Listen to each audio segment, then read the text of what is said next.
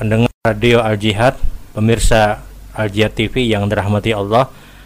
Kembali pada kesempatan hari ini insya Allah kita akan menjawab pertanyaan yang sudah dihadirkan. Assalamualaikum warahmatullahi wabarakatuh. Waalaikumsalam warahmatullahi wabarakatuh. Ustadz, apakah duda yang baru meninggal istrinya boleh langsung menikah? Apakah harus ada idah masa tunggu tiga bulan atau empat bulan? Mohon penjelasan. Jangankan yang duda, yang sudah menikah hendak menikah lagi ahlan masalah. Namun hendak juga. Ibu-ibu yang tenang aja. Yang di bawah aman. Belum tahu nang di luar.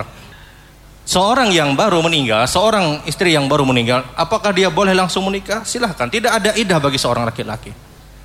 Idah itu diperuntukkan untuk seorang perempuan agar apa? Agar rahimnya itu kosong. Agar rahimnya itu kosong. Sementara laki-laki ya dia mohon maaf menikah, uh, meninggal istrinya misalnya, kemudian pekan depannya dia menikah, ya silahkan. Tidak dipermasalahkan. Bahkan ada satu ulama ulun lupa namanya, istrinya meninggal hari ini, besoknya dia menikah. Besoknya dia menikah. Ditanya kenapa engkau tasarubin nikah? Kenapa engkau cepat-cepat untuk menikah? Katanya saya tidak ingin kehilangan sunnah Rasul Wasallam. Ini pak, urusan menikah pikirannya sunnah. Urusan tahajud wallahualam tapi itu ulama ulama. Artinya seorang yang menikah seorang yang menikah ingat ketika diucapkan saya terima nikahnya fulana binti fulan dengan mahar sekian di detik itu aliran pahala dia dapatkan. Kalau pernikahan bertahan 20-30 tahun setiap hari, jam, menit, detik pernikahan dia di 30 tahun, terus dia mendapatkan aliran pahala dahsyatnya pahala orang yang menikah, dia tidak merasa dia mendapatkan aliran pahala. Kenapa? Dia mengamalkan sunnah dari sunnah-sunnah Rasul Sallallahu Alaihi Wasallam. Karena ketika dia menikah, di saat itu juga aliran pahala dia dapatkan. Layaknya dia menjalankan sunnah Rasul Sallallahu Alaihi Wasallam.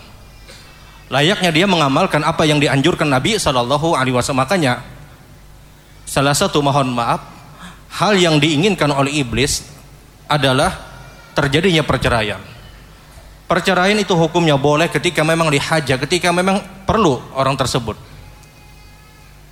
Tapi itu sesuatu yang sangat-sangat disukai oleh iblis. Karena ketika terjadi per perpisahan, perceraian, maka dia tidak mendapatkan aliran pahala sunnahnya menikah tadi. Jadi kembali kepada pertanyaan tadi, ya hukumnya boleh. Bahkan mohon maaf, besoknya dia menikah silahkan.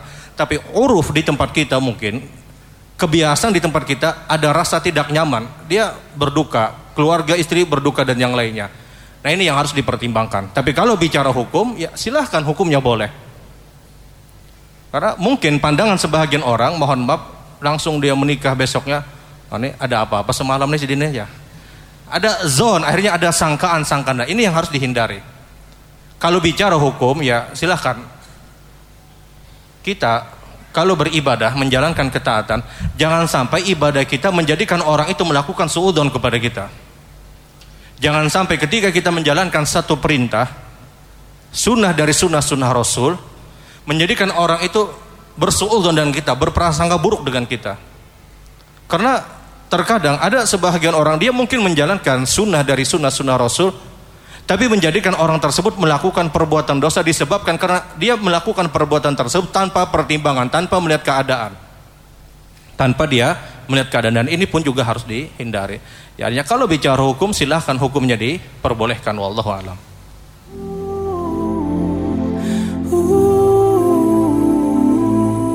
Program ini dipersembahkan oleh Embun Nabawi Wisata